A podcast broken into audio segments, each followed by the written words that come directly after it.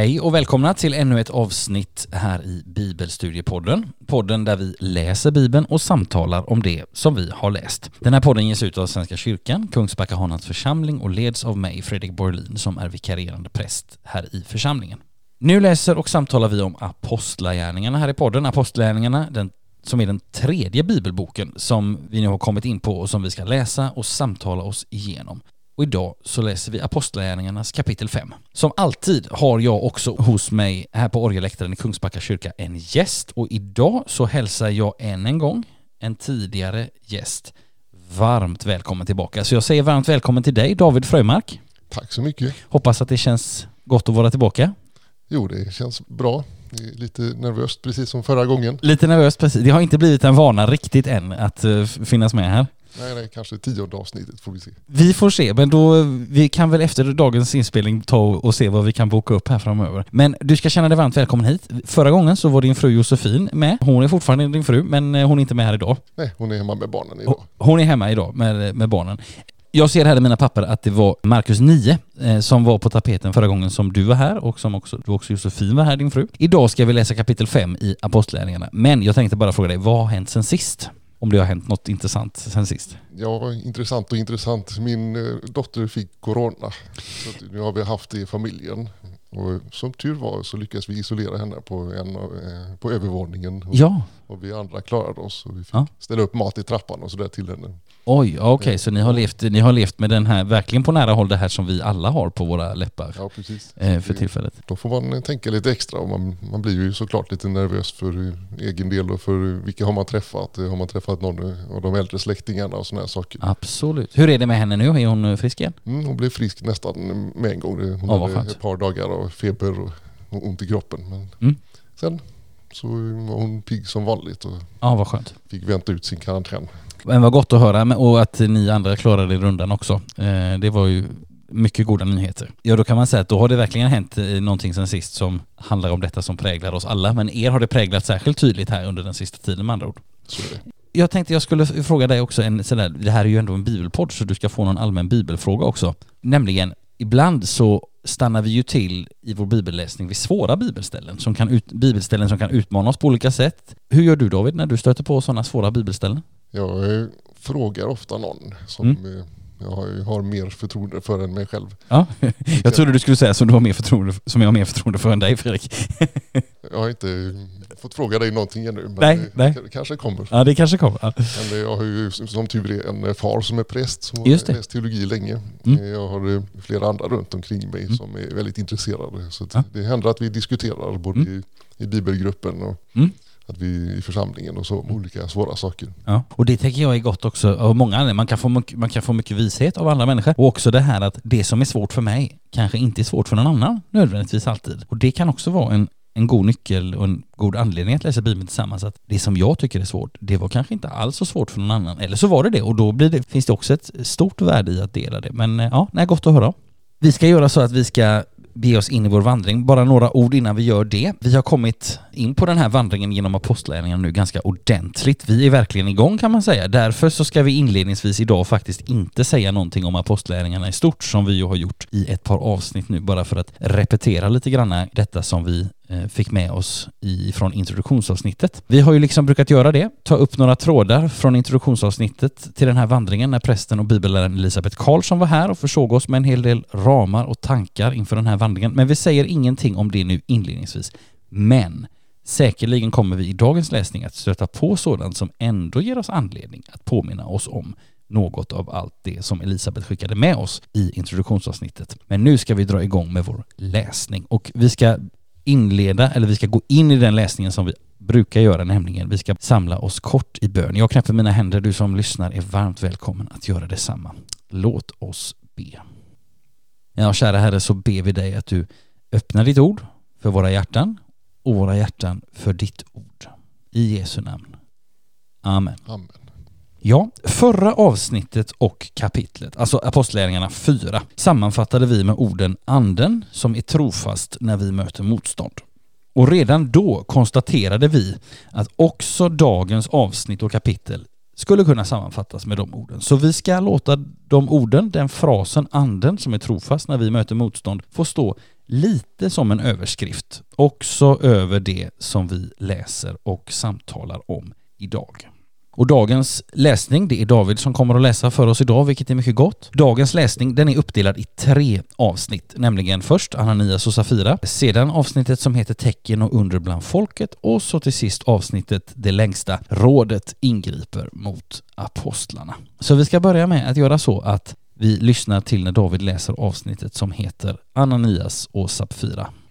Men en man som hette Ananias sålde med sin hustru Safira en egendom och smusslade sedan undan en del av betalningen med hustruns vetskap.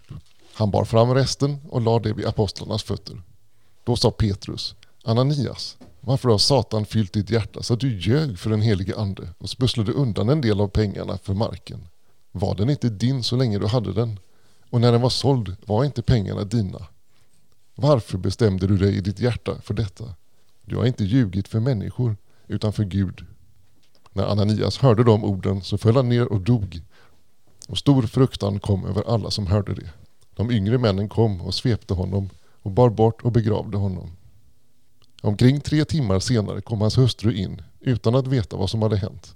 Petrus frågade henne, säg mig, sålde ni marken för det beloppet? Hon svarade, ja, för det beloppet.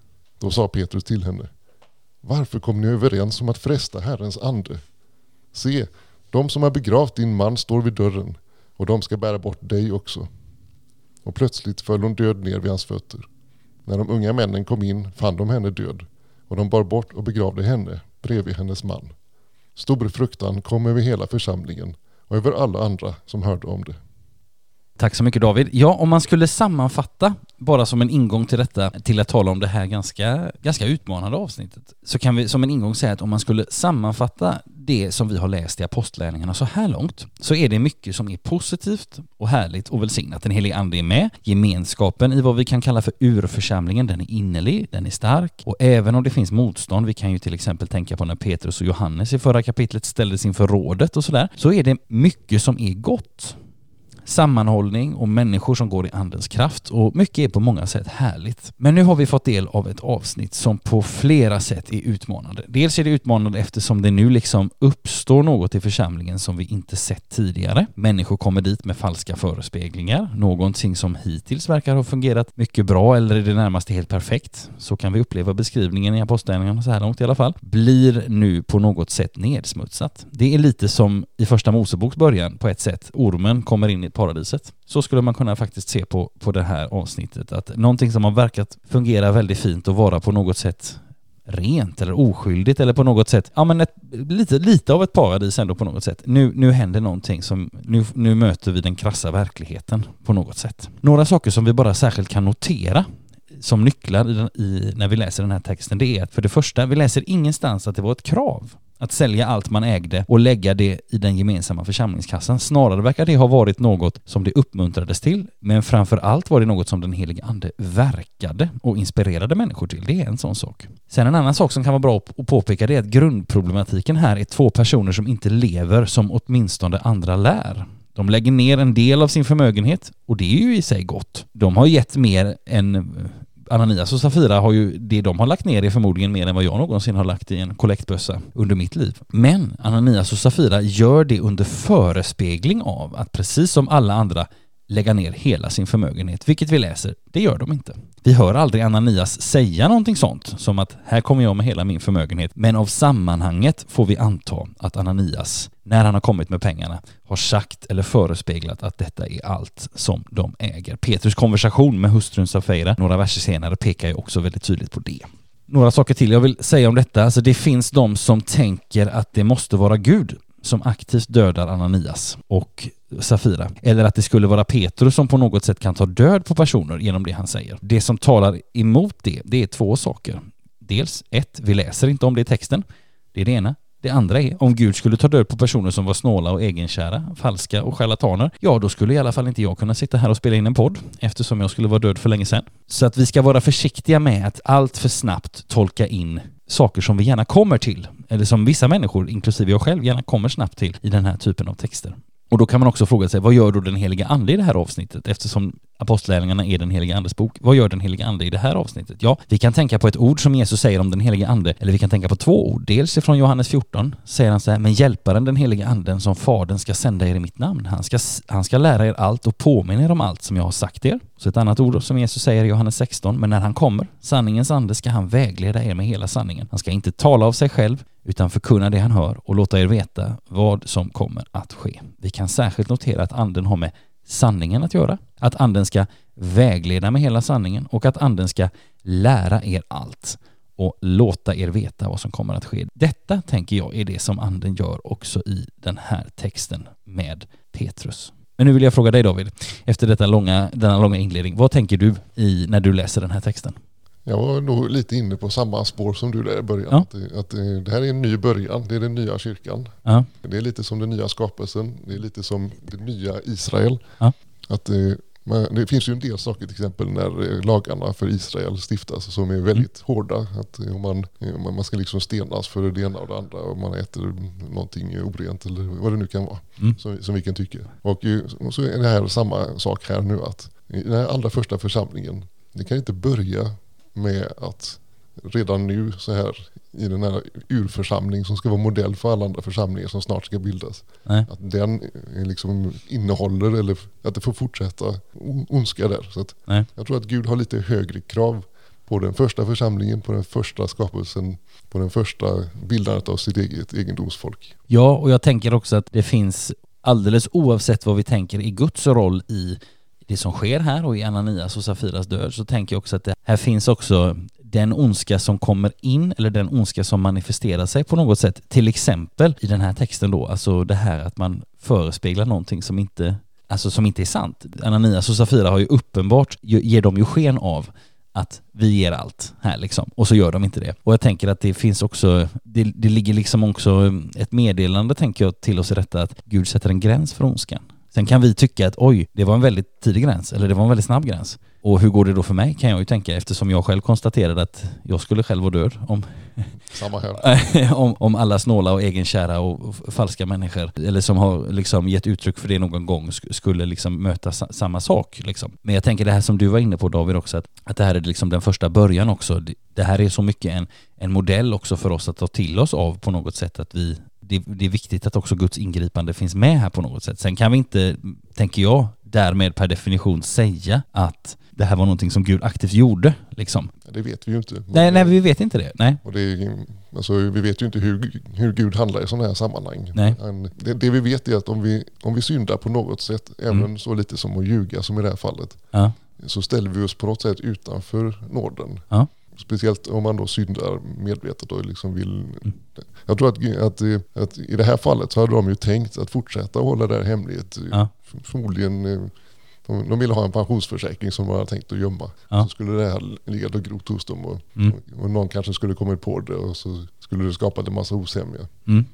Det finns ju många andra församlingar senare i apostlagärningarna där det förekommer både att folk äter sig mätta medan andra svälter och sådana saker. Som, ja, som man, man, kan tycka objektivt sett måste ju vara värre. Ja, absolut. Än, än det här. Ja. en, men det som, som jag var inne på innan och som du också nämnde nu, att mm. det här skulle vara modellen den här församlingen. Mm. Jag tänker också detta att det ligger också en otrolig vad ska vi säga, det, det, det, kan bli en, alltså det här att, att Ananias står först och sen hans hustru Safira lite, lite senare, det här att de avslöjas. Alltså när vi människor avslöjas med vårt liksom smutsiga byk så 100-procentigt som, som Ananias blir avslöjad här, att Petrus bara säger jag vet allt om pengarna. Liksom. Eh, eh, sådär, va? Det är ju också en otrolig, jag tänker att bara det kan också göra, måste vara någonting så otroligt krävande eller liksom förstår man något så otroligt chockartat. Att bara det skulle kunna liksom få han en hjärtattack här av, av beskedet. Eller vad, vad, är det som, vad är det som händer rent? Det, det, kan vi inte veta. Alltså vi kan inte, vi kan inte veta det. Men, men, men just det här avslöjandet och det är ju faktiskt en av, det kan ju kännas lite jobbigt att prata om, men, men det är ju faktiskt så att anden är sanningens ande. Anden har med sanningen att göra. Och skulle vi backa tillbaks än en gång till Johannes evangeliet så och vem är det som står för det motsatta? Jo, det är djävulen, lögnens fader. Men Jesus säger också, sanningen ska göra er fria. Det vill säga, det finns, eh, det finns också en, eh, det, det finns också, sanningen gör ont ibland, men den är alltid på lång sikt till välsignelse. Mm. Det är viktigt att tala sanning, i, speciellt i kyrkan. Att, ja. att inte eh, kyrkans folk får upplevas som oärliga. Alltså, det gör ju väldigt ont när en predikant eller en, någon ledare som man ser upp till att det visar sig att de har levt ett dubbelliv och gjort något mm. fruktansvärt. Absolut. Så det skadar så mycket. Ja det gör det. Man har så mycket mer ansvar i sådana här sammanhang. Ja. Jo men det har man och det tänker jag det, det kan vi på ett sätt också överföra på andra ledare. Att, att liksom eh, politiker eller eh, andra framstående personer som har kanske ett, en stor arena att, att eh, om det då kryper fram saker som, som är ofördelaktiga liksom, då, då skadar det så otroligt många mer. Det är så många fler svikna förtroenden liksom, eller på något sätt. Sen tänkte jag på det, om det nu är Gud som, som dödar Ananias och Safira. Ja det som inte står, och som kanske är det viktigaste som inte står här, ja. är att de dör men det står ingenting om den eviga döden. Nej. Och det, jag tror att det, detsamma gäller många av de dödsstraff som eh, Gud både uttryckligen och indirekt utdelar även i Gamla Testamentet. Det står ja. ingenting om, om den yttersta domen i de här sammanhangen. Ja, just det. Så Gud har makt över vårt jordiska liv. Och man kanske kan tycka att han tar lite lätt på det, men eh, han vet ju också vad som händer sen. Så vi har ju mycket mer, eh, man säger, fatalistisk syn på döden än vad Gud har. Ja. För honom så är det en övergång till nästa steg. Ja, just det. Och det kan man också tänka på att eh, Gud är den som ytterst sett har all kontroll och all makt och också all kärlek till oss, alltså som vill oss mer väl än vad vi själva vill oss. Jag tänker också som en sista liten kommentar till detta, alltså i den här texten finns ju också en skärpa som vi lätt kan bli utmanade av. Vi kan lätt bli utmanade av den här texten. Det är gott om vi låter den utmaningen också bli en fråga till oss själva. Frågan, är jag sann? och så att vi kan bjuda in den heliga ande som också är sanningens ande att hjälpa oss att vara sanna. Det är så gott att vi både kan och får göra det. Att vi får också be om hjälp i detta. Att vi, när vi läser de här texterna så är vi heller inte utlämnade bara till vår egen förmåga eller ehm, till att försöka kämpa på i egen kraft och i stor ensamhet, utan vi är också, om den här typen av texter utmanar oss, så har vi också, då är det också så gott att vi kan och får bjuda in den heliga Ande att hjälpa oss. Inte bara att komma med sanning utan också komma med liksom vägen vidare. Så det är gott att tänka på. Ska vi gå vidare David, läsa nästa text? Det gör vi. Ja, då ska vi lyssna till när David läser avsnittet som heter Tecken och under bland folket. Genom apostlarnas händer skedde många tecken och under bland folket och de var alla tillsammans i Salomos pelarhall. Ingen av de andra vågade ansluta sig till dem, men folket talade väl om dem. Och ännu fler kom till tro på Herren, stora skaror av både män och kvinnor. Man bar till och med ut de sjuka på gatorna och lade dem på bäddar och bårar för att åtminstone Petrus skugga skulle falla på någon av dem när han gick förbi. Det kom också en stor skara från städerna runt omkring Jerusalem och förde med sig sjuka och sådana som plågades av orena andar. Och alla blev botade. Tack så mycket David. Jag tänkte jag vill, jag hade några saker som jag, jag har några saker som jag vill säga, men jag vill börja med att fråga dig, vad, vad fastnar du för här i det här, de här verserna? Jag fastnade ju direkt för alla blev botade. Just det. Sista, sista meningen här. Ja. Men eh, jag tänker ju på hur långt vi har fallit ifrån det här idealet som, ja. som den här församlingen var. Alltså, Absolut. De är så heliga så att mm. det verkar som att folk vet ju inte vad de ska tro, att sjuka blir friska. Det är, det är lika underligt då eh, som det är nu. Det, var lika, ja. det måste ha varit lika konstigt då. Ja, folk kommer, kommer ut och, och, de vet inte vad det är som händer. Kan det vara hans skugga som gör det? Kan det vara uh, hans händer som gör det? Kan det vara hans ord som gör det? Mm. Och så tror de att det har med Petrus att göra på något sätt innan de kommer mm. till tro. Mm. Jag tänker om det skulle vara som så att vi gick omkring och, och att så, så mycket hände runt omkring oss som skulle vara så märkligt att folk vallfärdade och trodde att våra skuggor skulle göra någonting. Ja. Det är helt otänkbart i, i, i dagens Sverige. Ja, jo det är sant. Det är sant. Och då kan man fundera på vad är nyckeln för oss då? Att i strä, alltså vad är, vad är nyckeln för oss för, och så att säga, hur, hur reagerar vi idag när vi möter detta? Är det kanske en, jag tror att det kan ibland bli en, kanske en uppgivenhet. Åh, det, det var, tänk om man, tänk om man fick vara med på den tiden liksom. Så tror jag många kan tänka vad härligt det hade varit. Och då tänker jag så här, Gud gör inga misstag. Det var inte så här, aj då, jag skulle satt Fredrik i urförsamlingen. Typiskt, jag, jag var 1950 år för sent där. Nej, Gud gör inga misstag. Jag är ju kallad att vara lärjunge i den här tiden. Och det är ju du med David och även du som lyssnar. Dels det. Och sen så tänker jag att vi ska också vara varsamma så att vi inte vänder det här exemplet som är här och som jag tänker också är fullt realistiskt idag om vi börjar be. Så va? Absolut. Det är så realistiskt att det faktiskt händer fast kanske inte här i Sverige. Nej, nej men precis. Det, det ska man också komma ihåg att det finns, eh, det finns andra platser i, i världen där Guds ande verkligen är i svang. Och det finns, eh, och också Sverige har eh, i närtid upplevt väckelse. Det ska vi, det ska vi också komma ihåg. Samtidigt så ska vi inte när vi läser detta gå, gå i den lätta fällan att anklaga, att, an, att börja anklaga Gud. Varför blir inte alla botade nu? Nej, men det är inte hans fel. Utan det är, eh, vi, vi har fått idealbilden här och vägen dit är bönens väg och omvändelsens väg och liksom helgelsens väg och så vidare. Det ska man komma ihåg. Jag tänker samtidigt eh, två saker som jag tänker att man kan säga om det här avsnittet. Dels att vi nu återigen får läsa om någonting som utspelar sig i Salomos pelarhall. Det kan väl bara vara värt att nämnas. Eh, alldeles invid templet. Där har ju apostlarna varit tidigare. Petrus höll ett tal där i kapitel 3 och vi kan också dra oss till minnes att Jesus har varit där. Det läste vi om när vi läste i Johannes i kapitel 10. Så att det här är en plats som apostlarna och även Jesus själv har varit på tidigare. Det är det ena. Det andra är att dels kan vi tänka på detta avsnitt och kanske särskilt då verserna 15 och 16 som något som vi har sett en hel del av tidigare, men i evangelierna, jag läser, det stod så här, man bar ut sina sjuka på gatorna och lade dem på bäddar och bårar för att när Petrus gick förbi, åtminstone hans skugga, skulle falla på någon av dem.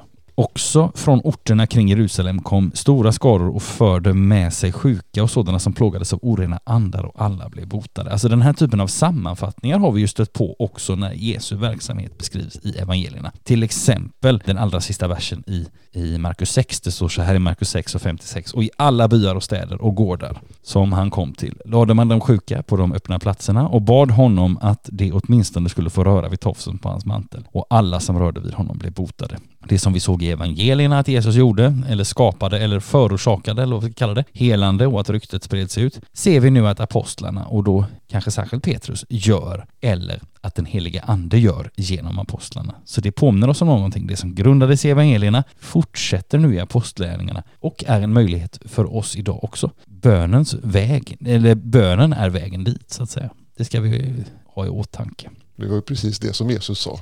Att ja. Tycker ni att det som jag har gjort är fantastiskt? Ni ska göra ännu större saker. Just det. Det är en sak han har sagt. En annan sak han har sagt är be och ni ska få. Ja. Det, kan, det, kan ju, det kan ju tyckas som att vi som sitter här och spelar in är, är, låter enormt säkra på detta. Och då vill jag bara säga att vi, vi, jag har också, eh, jag är också en människa med tillkortakommanden som eh, också längtar efter mer och, och ibland, kan tycka, ibland kan få en lite anklagande ton eh, och tycka varför, varför sker inte så mycket idag? Men utan det här är mer ett, det här kan man mer uppfatta som, en, som ett ord av uppmuntran från någon som också kan uppleva det så här. Det vill jag bara tillägga. Mm, jag också. Jag har många gånger bett för sjuka utan att någonting synligt eh, har hänt. Nej. Så det, och det är smärta såklart. Absolut. Men, eh, eh, som du sa innan, det här är en, ideal, en idealbild. Liksom, ja. När man har nått hela vägen ja. till den nivå som Gud vill att ja. det kristna livet ska ha. Då kanske det skulle hända så här. Men där är vi inte. Och det beror ju på att det, det är inte Gud som har fjärmat sig från oss utan det är ju vi som, som mänsklighet som, eh, som har dratt oss ifrån Gud. Mm. Det kan också vara som så att vi har ju så, kommit så långt i läkarvetenskapen nu mm. så att det kan vara som så att vi behöver inte eh, få de här mirakelhelandena på samma sätt som då. Så det kan också vara en förklaring till varför det händer mer i, i underutvecklade länder. Ja, det. Där, där, det är krig och, och nöd. Därför att där mm. behövs Gud på ett annat sätt. Ja. Och där har man mycket närmare, tänker jag, att, att vi, jag tänker mig ibland att, att vi också, när man hör om helanden i, i Sverige idag, vilket man gör från tid till annan, så tänker jag att ibland i de här berättelserna så är det också så att, så att säga, man verkligen aktivt börjar be för personen när det verkar hopplöst. Alltså man har prövat den behandlingen och den behandlingen och den grejen och sen, och då tänker jag att som du säger, finns det då ingen behandling, vilket är verkligheten i många länder i världen, ja då är det ju naturligt att man börjar be direkt. För att det är den enda behandlingen som man, som man har. Liksom. Och, det kan också vara en, och det kan också vara en sån uppmaning till oss att läkarvetenskapen är ju en välsignelse och den ska vi använda. Och jag menar hur många människor som har forskat fram liksom sådana här centrala saker som cancerbehandlingar, vacciner och, och allt med, alltså har också gjort det som en tjänst inför Gud. Liksom liksom och varit kristna och andra som har liksom blivit använda av Gud och som totalt ovetande om, om vem Gud är. Men vi ska också så att säga ta emot sådana gåvor och välsignelser för det de är. Men, in, men också tänka att den bästa bönen, det är den som blir av. Be så ska ni få, säger Jesus. Så att, ja, det, men det, det är kluriga saker detta. Det, det, är det verkligen. Men eh, vi försöker navigera oss fram lite. Vi försöker navigera oss fram frågar, lite. Så, då får man ju inga svar. Nej, nej men det är sant. en vanlig princip. Nej. Sen så kan jag ju vittna om att jag har ju varit med om i min egen kropp Mm. här som att en skugga faller. Ja. Alltså den, när jag har haft svårt ryggskott, eh, Mm. kommit till en nattvardsgudstjänst, jag har inte tänkt på att, att be. Jag har inte kommit till det stadiet än, att jag har hamnat i nöd och börjat be. Nej. Men eh, jag får stå upp under hela gudstjänsten för jag kan inte sitta. Nej. Och så bestämmer jag mig för att falla på knä framme vid altarringen. Ja. När jag reser mig upp så är det borta. Ja. Så det, det kan, det är en mycket märklig känsla men Ja. det är också det att man, man vet aldrig eh, vad, vad Gud har för planer och vad han gör. Nej. Speciellt inte om man inte ber till honom. Om man ber och om man har ett, en aktiv konversation med Gud då kan det ju hända att han berättar saker för en. Ja. Så som han gjorde för Petrus i, tidigare i, i kapitlet. ja, absolut. Men eh, om man inte pratar med Gud så får man inte veta någonting. Nej. Och sen kan man också tänka så här, tänker jag, och det, det kan också vara en sån här sak att, att också lära sig att, att skilja på att här läser vi texten, eller vi hörde David läsa alla blir botade, och så kan vi också kanske se vår egen verklighet och jag har bett för människor och de har inte blivit botade och sådär och, och det kan väcka många känslor inom oss. Och då, men då måste vi samtidigt tänka på att så att vi skiljer mellan den frälsande tron på Jesus, alltså den, den tron som räddar oss liksom till livet i gemenskap hos Gud och sen den undergörande tron. Och, de, och där är det viktigt att tänka på att även den lilla, lilla tron som bara flämtar, som man kanske tycker är mycket liten, det, den räcker för räddningen. Sen är det, så att säga, sen är den undergörande tron, det är en särskild gåva från Gud. Liksom. Och om man då tänker att jag, men jag har ju bett för människor eller, som inte blivit bättre eller någon har bett för mig. Ja, men det är fortfarande bara så att säga den undergörande trons frånvaro. Det är inte den frälsande trons frånvaro. Så det måste man, det måste man också ha klart för sig att det är två olika saker detta. Ja, Eh. Jag tror också att man kan ha mycket tro. Alltså man kan vara en väldigt gudfruktig människa och ha mycket tro. Ja. Ändå så kommer man, alltså vem du än frågar hur mycket Ja. tro de än har så kommer de ha samma erfarenhet att de har bett för många som Ja. inte har blivit friska. De kanske Ja. har bett för många som har blivit friska. Men eh, de har också, Mm. eh, kan, det är jag helt säker på, Mm. bett för människor som fortsätter att vara sjuka och kanske och till och med dör. Mm. Så det, vi, kan inte, vi kan inte koppla det på det sättet. Lärjungarna gör ju också den parallellen när, när någon är sjuk. Att det Just måste det. ju vara för att eh, den eller dess föräldrar är Ja, just det. Ja, precis. Ja. Och då säger Jesus ifrån med en gång, för det är inte så det fungerar. Nej. Utan det här kommer för att Gud vill någonting med oss. Ja. Inte för att vi har någon viss nivå på tro, Nej. tror jag i alla fall. Nej men precis, alltså exakt. Och jag tänker också he- Nya Testamentet, evangelierna, Jesus och lärjungarna. Alltså snacka om att det är tolv oväntade personer som blir använda och det kan vi se idag också. Det är oväntade personer som blir använda av Gud. Ja, och det är ju egentligen historien om, om, om Gamla Testamentet också sammanfattat att, att på något ställe, nu har jag ingen bibelreferens här direkt, men, men det här som, som sägs hos någon av profeterna tror jag att det var inte för att Israel var det största av, de, av alla folk som Gud, Herren utvalde. Nej, ni är ju det minsta av alla folk, det vill säga Gud utvalde det kanske minst väntade folket som sitt egendomsfolk. Liksom. Ja, nej, du, du sammanfattade det så bra där David, att eh, när vi får de här särskilda gåvorna så är det för att Gud vill någonting. Liksom. Och vi har aldrig tagit emot alla gåvor som Gud har tänkt för oss i fullt mått. Gud har alltid mer att ge. Men den, den tron som är den allra största gåvan från Gud, eller det som är den allra största gåvan från Gud, nämligen inbjudan, eh, tron som leder till livet med honom efter detta, den ger Gud till alla människor. Fritt för oss att ta emot. Det ska vi också komma ihåg. Sen kan man ju ana det här som vi kommer snart att börja läsa om här. Att Ja. Det är ju lite kärvt eh, att vara kristen, och vara i, vara i den här församlingen. Det kan man ana redan i det här kapitlet, Ja, eller i de här verserna. mm, Att eh, eh, även att apostlarna står där och sådana här saker händer mm, så vågar inte de, andra, som, alltså de andra måste ju vara de här andra kristna, mm, vågar inte associera sig med apostlarna. nej. Så de de håller sig på lite avstånd fortfarande. Ja. Ja men precis, och det, så, och det, det tänker jag också, det, det behöver vi också tänka på. De vi läser om här, det är ju Petrus, det är Johannes, alltså det är de så här, men jag menar, vi, vi vet ju också att, att församlingens storlek har ökat och vi får också tänka att här finns också väldigt många som inte omnämns vid namn. Här finns också väldigt många, vad ska vi säga, vanliga kristna människor också med här så att säga.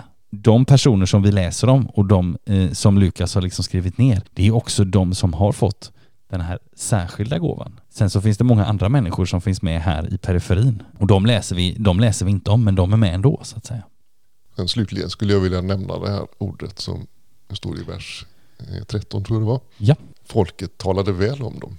Just det. Det är någonting som jag tror är väldigt viktigt för oss kristna. Att, ja. att vi kan inge ett sådant förtroende hos mm. människor att folk talar väl om oss. Vi kan ju, det är ju inte alltid så att folk talar väl om de kristna, åtminstone inte i Sverige. Nej, just det. Vi har gjort, varit med om en del saker i, i vår historia som, mm. som har trampat folk på tårna minst sagt. Ja. Jag är väldigt diplomatisk. Ja. Eh, och det, det här ligger ju oss lite till last tycker ja. jag. Det, vi, mm. vi, måste kunna ha en sån relation till de runt omkring oss mm. som ännu inte har upptäckt sanningen. Mm. Att de talar väl om oss. Mm. Alltså, de har förtroende för oss. Ja. Annars har vi ingen chans att, att, att, kunna berätta om, om de här goda nyheterna. Om, om det som händer här. För om, om, inte folk tror på oss eller om inte folk tror att vi har goda avsikter. Mm. Då en sån vill man ju inte lyssna på. Nej, nej men precis och det tänker jag ibland. Ibland så får vi det här med att vara lärjunge, vi, vi får det att låta som att det är någon slags väldigt speciell gåva eller att det är någonting som kräver liksom en doktorsavhandling ungefär för att kunna förstå liksom. Och jag tänker att ja, det kanske bara börjar med att man inte är världens absolut sämsta granne som är genuint otrevlig och försöker såga ner grannens träd för att de skymmer solen. Och, alltså, eller försöka, försöka vara världens mest snikna arbetskamrat som alltid ska gå tidigare och försöker få andra att göra ens jobb och så vidare. Så, alltså jag tänker att det är inte, det handl, oftast handlar, oftast tänker jag att det handlar inte så mycket om att Alltså, det kan man också fundera på kopplat till det att alla blir botade.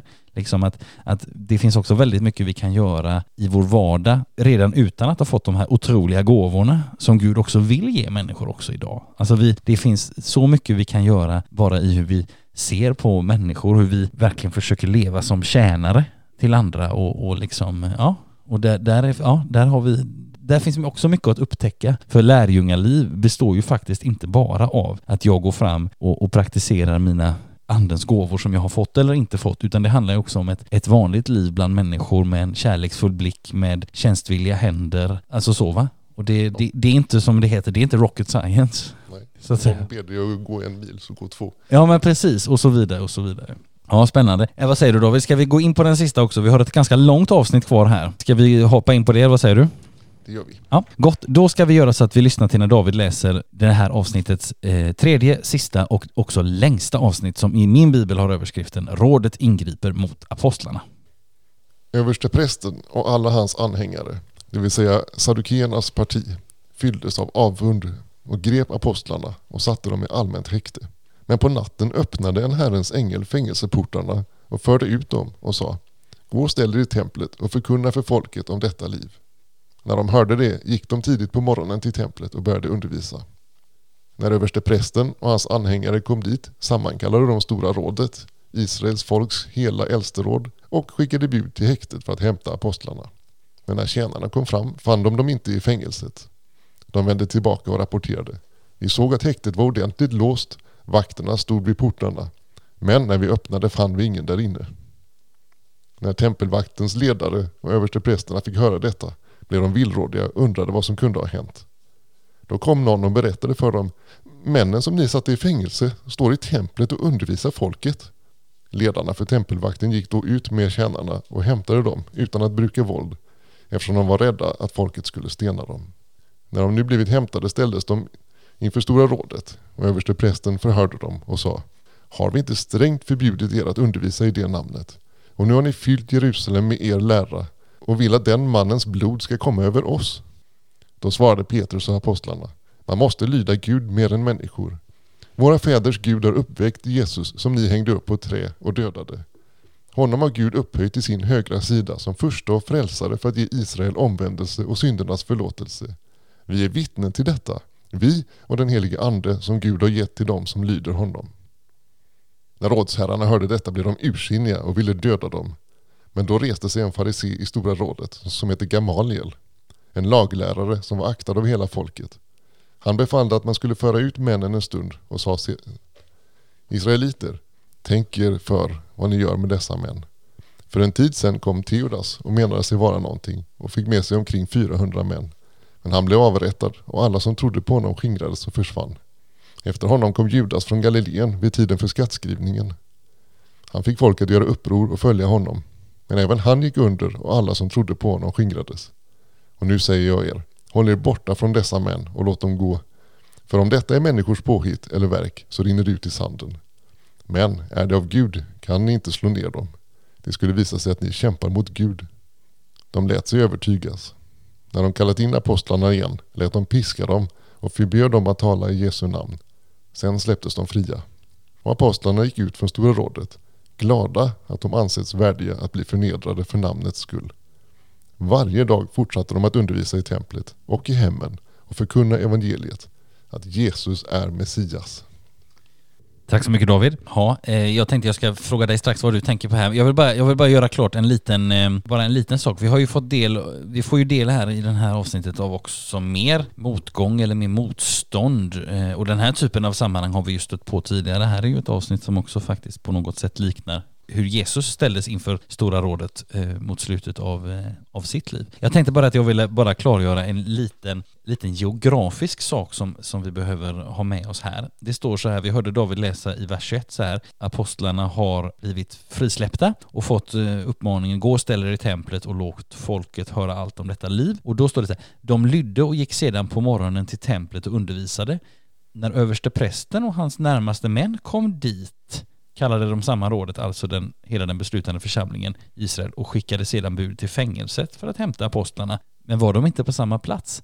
Kan det ju verka som, alltså om översteprästen och hans närmaste kom dit, vilket vi läser i vers 21 i alla fall i Bibel 2000, så kan vi tänka, såg de inte apostlarna att de var där då liksom? Ja, då får vi tänka så här. Apostlarna är, det har vi ju eh, sett tidigare i det här kapitlet, förmodligen i Salomos pelarhall och salen där Stora rådet sammanträdde, det är i en annan ända av templet än liksom Salomonspelarna. Så att det var liksom, de var på, man kan säga så här, det är ungefär som om du som lyssnar, likt mig och David, finns här i Kungsbackatrakten. Så att man kan säga att man kan ju vara på, i olika ändar av köpcentret Kungsmässan utan att så att säga veta om den andra som är i andra ändan så att säga. Och det är ungefär det vi får tänka oss här också. De var på samma plats men Stora rådet visste liksom inte om att apostlarna var i en annan ända av templet. Gott. Nog om det. Vad tänker du på David när du läser detta? Ja, det är som du säger, nu börjar det hetta till här. Ja. De eh, de säger ju tydliga sådana här saker som att det, var Stora rådets fel att Jesus blev dödad. Och det är klart att det, den typen av kritik går ju inte hem hos kyrkans högsta ledare. Nej, nej det är klart. Det, det får man tänka sig att det, det, det är inte honung för öronen att höra det. Det kan vi lugnt konstatera. Sen så tror jag att de de tror sig ju vara på Guds sida. Mm. Så de har ju mm. hittat på en hiskelig massa regler som de följer mm. till punkt och pricka. Mm. De har inte tagit till sig av Jesu kritik och då är det inte så konstigt att de inte heller tar till sig av eh, apostlarnas kritik. Nej, det får man ju tänka sig. Vi har ju läst i evangelierna, inte minst Johannes evangelien om att det finns personer ifrån liksom Stora rådet, alltså vi kan tänka på eh, Josef från Arimathea, vi kan tänka på eh, Nikodemus till exempel, alltså att det finns människor som har liksom anslutit sig till Jesusrörelsen. Men att de, så att säga, det fanns också de personer, eller kanske det stora flertalet här, vad det verkar som inte gjorde det. Liksom. Och, och då får man ju tänka sig att nej, men har de inte liksom lyssnat till Jesus så är det ju inte så troligt att de lyssnar till efterföljarna heller så att säga. Något annat som du tänker på här i texten? Det är ju väldigt spännande det här att de blir utsläppta ur fängelset utan att vakterna märker någonting. Det är, ja. ju eh, på något sätt återkommande tema lite grann här i Apostlagärningarna. Att det, Guds ord bär inga bojor. Nej, precis. Och jag, nej men exakt, och vi kommer ju få, få stöta på fler sådana fler såna tillfällen. Visst är det väl så att det är Petrus som blir utsläppt i, jag tror att det är kapitel 12, jajamän. Då är det också någon ängel som eh, dyker upp där. Och, så att det, det är någonting som vi kommer få stöta på igen så att säga.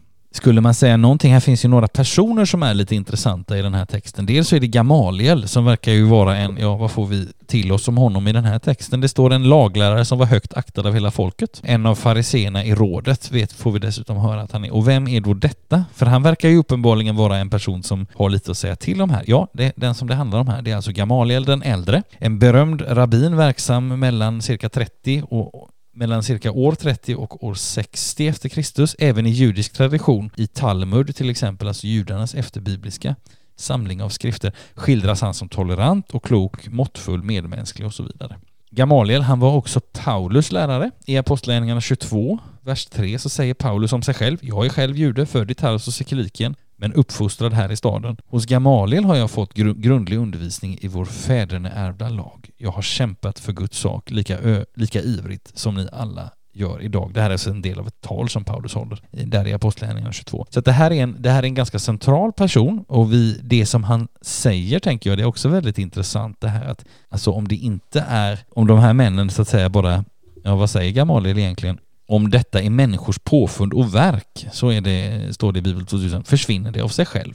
Men är det från Gud kan ni inte krossa dem, då kan det visa sig att ni kämpar mot Gud själv. Så att ganska kloka tankar. Vi kommer märka framöver, till exempel i nästa och nästnästa kapitel inte minst, att alla låter sig inte tilltalas av detta, så att säga. Vi kommer att märka att det är, blir fortsatt motstånd, men vi kommer också få läsa längre fram om att det fanns tider då kyrkan fick vara i fred. Men vi får anta att Gamaliel, som var en ganska välkänd person, att många tog till sig av det han sa, men det finns också andra grupper som inte tar till sig av det han säger, utan det här motståndet fortsätter.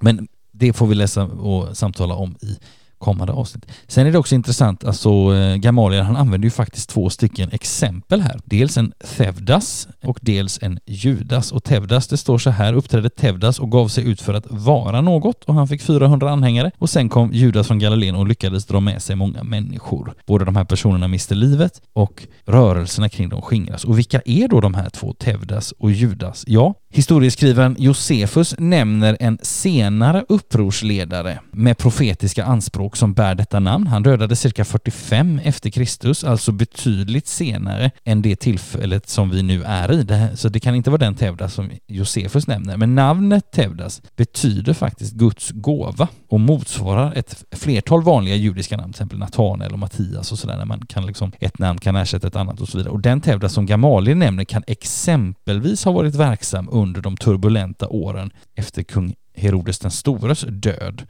4 före Kristus.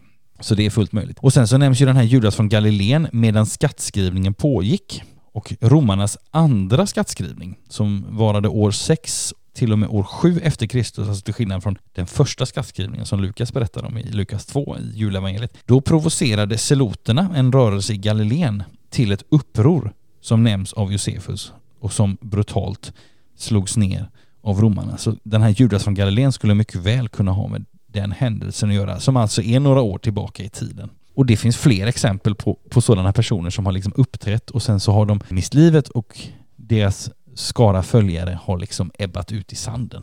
Eller runnit ut i sanden kan man säga. Så är det dock inte riktigt med den kristna kyrkan. Den har ju ändå stått sig ett tag nu. Så att man kan säga att Gamaliel fick rätt. Precis.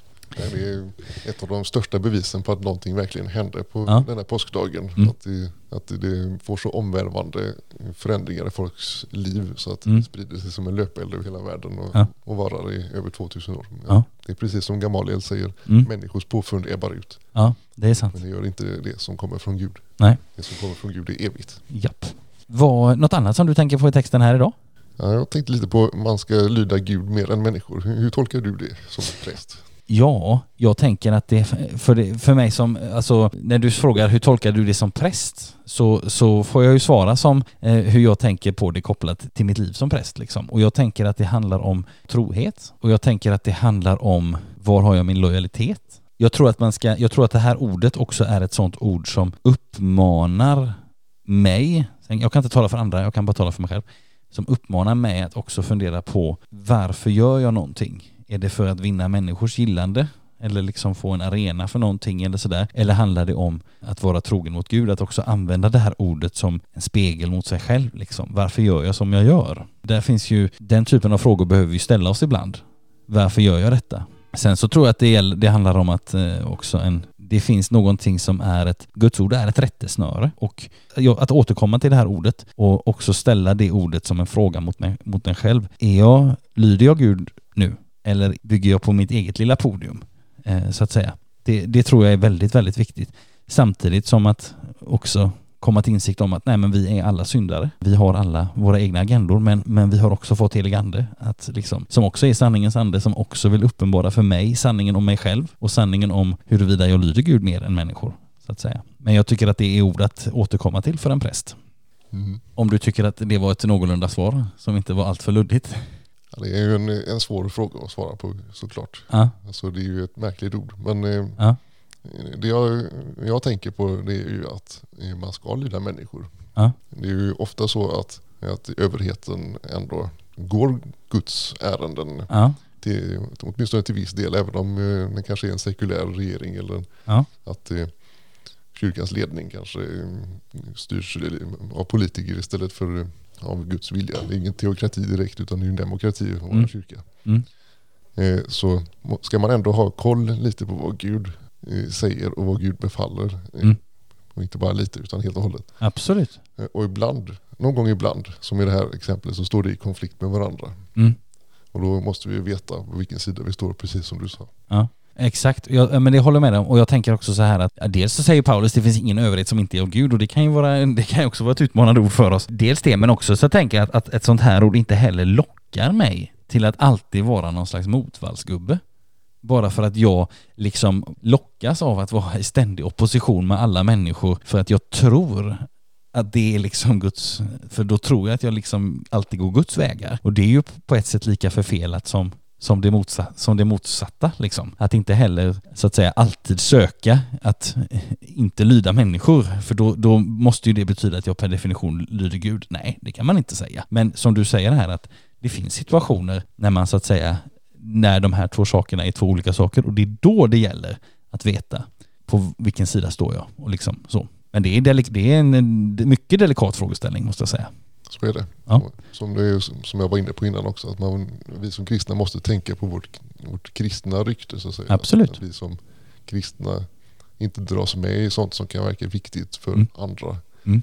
Alltså man kan ju hamna i det här i näringslivet att man, ja, man, man köper någonting och det visar sig att eh, allting togs inte med, slogs inte in korrekt. Nej, just det. Man kommer undan med eh, några hundra kronor billigare. Ja, just det. Säger man till eller går man därifrån och ser glad ut? Ja, just det.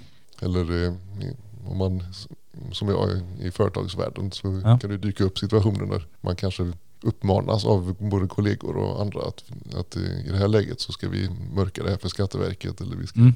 göra den här typen av abroink för att slippa den här, eller gå runt den här paragrafen. Ja, just det. Ska man, ska man säga till, ska man säga ifrån eller ska man följa med? Mm. Där tänker jag att det är uppenbara sig frestelser för oss varje dag att avvika från, från ord som det här. Att lyda Gud mer än människor. Absolut. Samt, samtidigt som ju inte svensk skattelagstiftning är så att säga direkt hämtade från Guds ord. Men att också, det handlar också om att, så att säga, ge Gud det som tillhör Gud och, det, och kejsaren det som tillhör kejsaren. Så att det, det här är ju någonting som man kan, som jag tror man stöter på dagligen. Och då gäller det att kompassen är väl riktad så att säga. Gott. Jag tänker att vi ska gå ner lite, börja gå ner lite inför landning nu, David. Jag tänker som ett litet slutord. David sa någonting så bra eh, lite tidigare det här att det här är också en idealförsamling som beskrivs. Allt som händer är inte liksom inte perfekt alltid som vi läser om för det är också mycket motstånd och sådär. Men det finns liksom beståndsdelar i församlingen här som är verkligen en ja, men en urbild liksom, eller en målbild för oss. Och vilket gör att beskrivningen här, när vi läser om apostlärningarna så kan vi uppleva att det skiljer sig från hur vi upplever vårt eget lärjungaskap och hur vi, vi upplever den församlingsgemenskap vi finns med i och så att vi liksom sätter apostlagärningarnas form på oss själva och andra och vår församling och sådär och så märker vi att ja, det håller inte måttet riktigt. Och, och då är det ett ord som jag har fastnat för här som jag också tänker kan vara en sån här, ja men lite som en inspiration till oss och det är faktiskt det som står i vers 41 för det står att apostlarna blev glada över att de befunnits värdiga att förnedras för namnets skull. Och det tänker jag, det är, det är också någonting, jag tycker att det ligger någonting stort i det, att de kunde känna glädje i den stunden. Eh, för det, det tror jag inte alltid att kanske vi gör om vi är i en sån situation. Men jag tänker att också den typen av ord är en sån här inspiration. Och jag tänker att det är så vi ska läsa apostlärningarna som en inspiration, inte bara som någonting som ska göra oss nedslagna över att vi själva eh, inte lever i ett sånt sammanhang utan också våga se det som en inspiration och se att den ande som verkade då också vill verka nu. Att låta det också bli en inspirationsläsning när vi vandrar genom apostlagärningarna. Det vill jag ha sagt också så här till sist. Och det är ju ett, ett väldigt märkligt brott som de blir anklagade för och piskade för. Ja, Nämligen att berätta om Jesus. Det kan ju inte funnits någon lag som sa att så får man inte säga.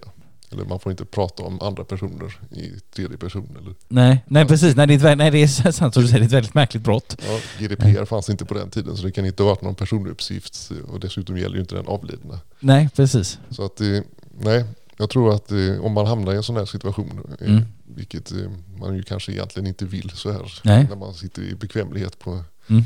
På en kyrkläktare. Ja. Eh, men om man gör det och det enda anledningen till att man utsätts för det här det är att man har gjort Guds vilja. Mm. Då kommer också Guds ande att stärka dig till och du kommer att gå ut därifrån med en känsla av att vara ledd av Gud. Mm. Och det är det, den glädjen här som, som kommer fram här tror jag. Ja precis, det är ingen spelad glädje som de apostlarna försöker frammana ur sig själva utan det är den glädje som anden ger. Och det är ett väldigt gott påpekande.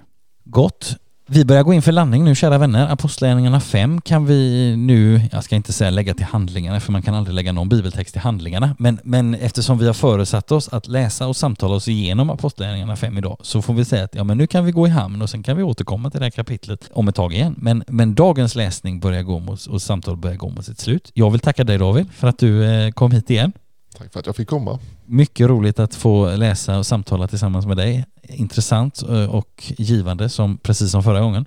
Detsamma. Eh, och till dig som har lyssnat så vill jag säga eh, stort tack för att och vi hoppas att också du har fått med dig någonting ifrån dagens samtal. Tills vi hörs igen, vilket jag hoppas att vi gör, så önskar jag och David dig som har lyssnat allt gott och Guds rika välsignelse. Hej då! Hej då!